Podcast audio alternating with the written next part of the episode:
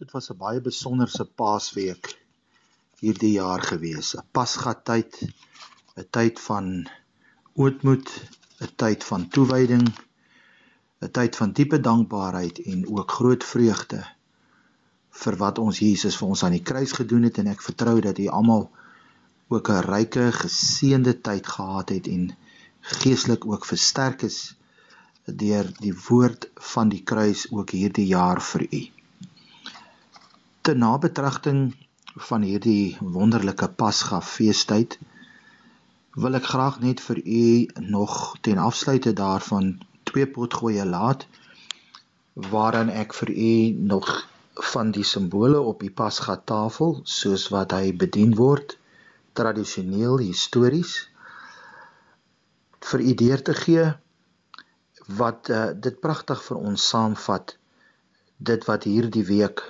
gebeur het en wat hierdie geweldige groot boodskap vir ons almal inhou.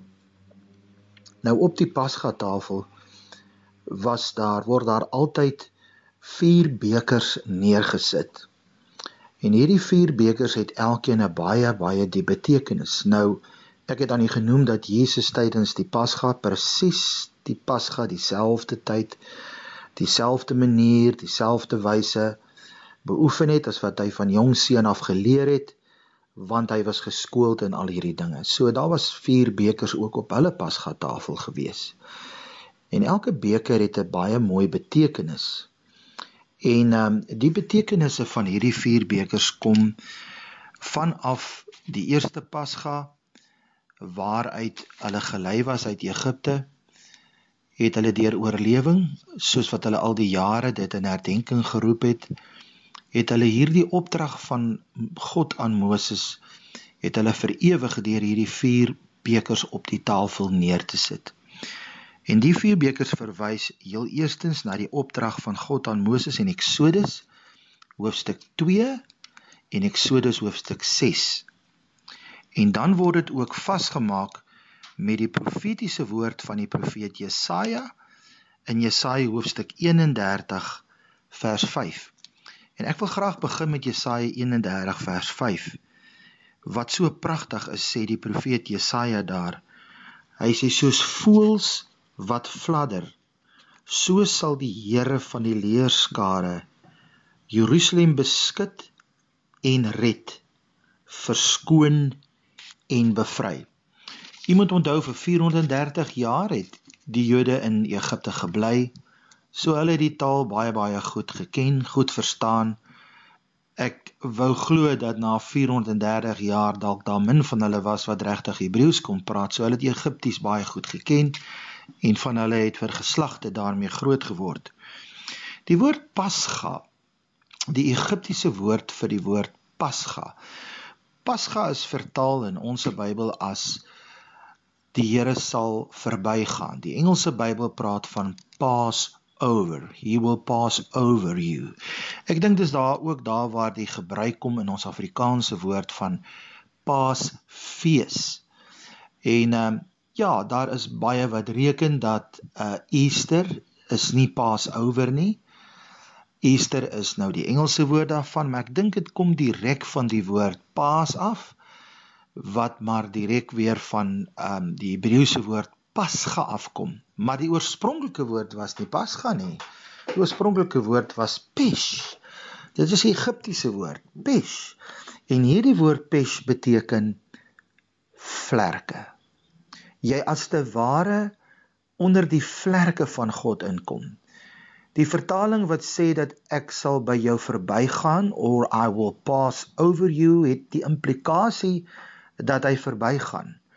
Maar die woord pesh is niks anders as vlerke wat jou toemaak nie, vlerke wat jou beskerm nie. Vlerke wat daar vir jou sal wees waaronder jy kan kruip en wat jou kan beskud en beveilig. En dis presies wat die kruishout van Golgotha en die bloed van Jesus ook vir ons gedoen het en wat ons ook herdenk het vir hierdie week. Is dit nie wonderlik nie?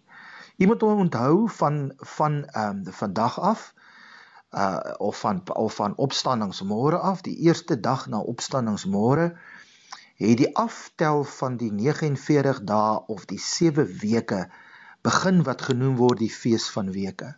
En hierdie fees van weke word vir 49 dae gehou en afgetel totdat uit hulle uiteindelik by die volgende fees sal kom wat genoem word die Shavuot. Wat die Shavuot fees wat niks anders is as Pinksterfees of die herdenking van die ontvangs van die Torah nie. Pesh ek sal my vleuels oor jou uitbrei. Die Afrikaans sê vertaal dit soos voels wat fladder. Die Engelse vertaling is pragtig daar I will cover you with my wings waarop dit neerkom. Nou verstaan ons Psalm 91 wat sê hy wat in die skuilplek van die Allerhoogste sit sal vernag in die skare weer van die Almagtige en skuil onder die vleuels van die Allerhoogste. Is dit nie pragtig nie? Ons verstaan Jesus toe hy geween het oor Jerusalem en gesê het Jerusalem moet baie maal wil ek soos 'n hen naar kyk en wou ek jou toemaak, maar jy wou nie. Dit is die uitroep om onder sy bloed in te kom. Die uitroep om dit te eer. Die uitroep om die kruislewe in jou lewe te eer en die kruislewe te waardeer en dit die hoogste prioriteit van jou lewe sal maak.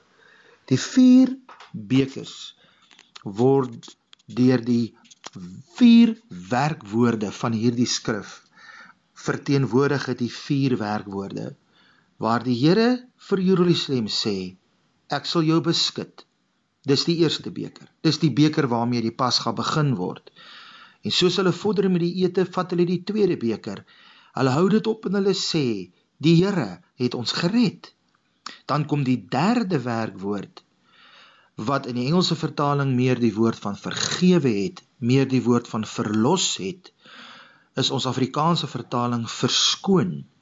Dis die derde beker wat Jesus opgetel het wat hy gesê het aan sy Pasga wat hy aan sy disippels gehou het. Die derde beker, dit is die Nuwe Testament van my bloed. Ek sal jou verskoon. Met ander woorde, ek sal jou vergewe. Ek sal jou verlos. En dit kon hy net gedoen het deur sy bloed wat moes vloei. En dan kom die vierde werkwoord uit Jesaja 31 vers 5 en hy sê ek sal jou bevry. En dit is die vierde beker waar hulle bykans die Pasga mee afhandel. Vier bekers wat gehou word. Dit is maar waar die gesegde altyd vandaan kom as ons 'n glasie skink en jy sê gesondheid. Vir die Afrikaner is dit gesondheid. Vir die Duitser is dit prost. Vir die vir die Rus is dit skol. Ehm um, en dan uh, vir die Engelsman is dit cheers. Maar wanneer die kind van God hierdie beker oplig, dan roep hy uit: Die Here, ons Here, het ons beskud. Hy het ons beskud met sy vlerke en dis wat Pasga vir ons sê. Dan sluit Eksodus 2 daarbey aan waar die vier werkwoorde weer uitgeroep word in Eksodus 2:24. Die Here het jou gehoor en die Here God het aan ons gedink en aan sy verbond gedink. Die derde werkwoord is hy het ons aangesien. Dit is die beker wat Christus gesê dis my bloed. Met ander woorde aangesien ek het jou aangeneem en dan kom die vierde werkwoord ek het jou ook geken. Wat die vierde beker dan dit ook saamvat. Eksodus 6 vers 4 en 5 herhaal dit ook weer. Weer kom die vier werkwoorde na vore. Ek het julle gehoor. Ek het aan my verbond gedink. Ek het julle uitgelei en ek het julle gered. En dan kombineer hulle al hierdie skrifte bymekaar as hulle sê omdat hy ons gehoor het, het hy aan ons gedink. Omdat hy aan ons gedink het, het hy ons aangesien. Hy het ons aangeneem. Hy het ons verskoon, vergewe en verlos. En omdat hy dit geken het en dit gedoen het, het hy ons geken. Hy het ons sy eie gemaak. Hy het ons uitgelei en hy het ons uiteindelik gered en bevry.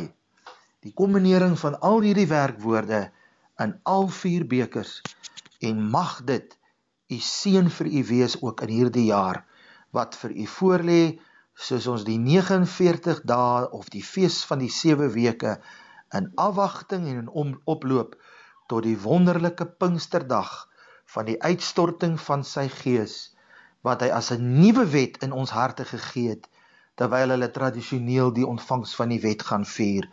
Mag dit u gebed wees dat die Here my beskik dat hy vir u en vir my gered het, dat hy ons verskoning vergewe het, dat hy ons bevry het en ons aangeneem het. Amen.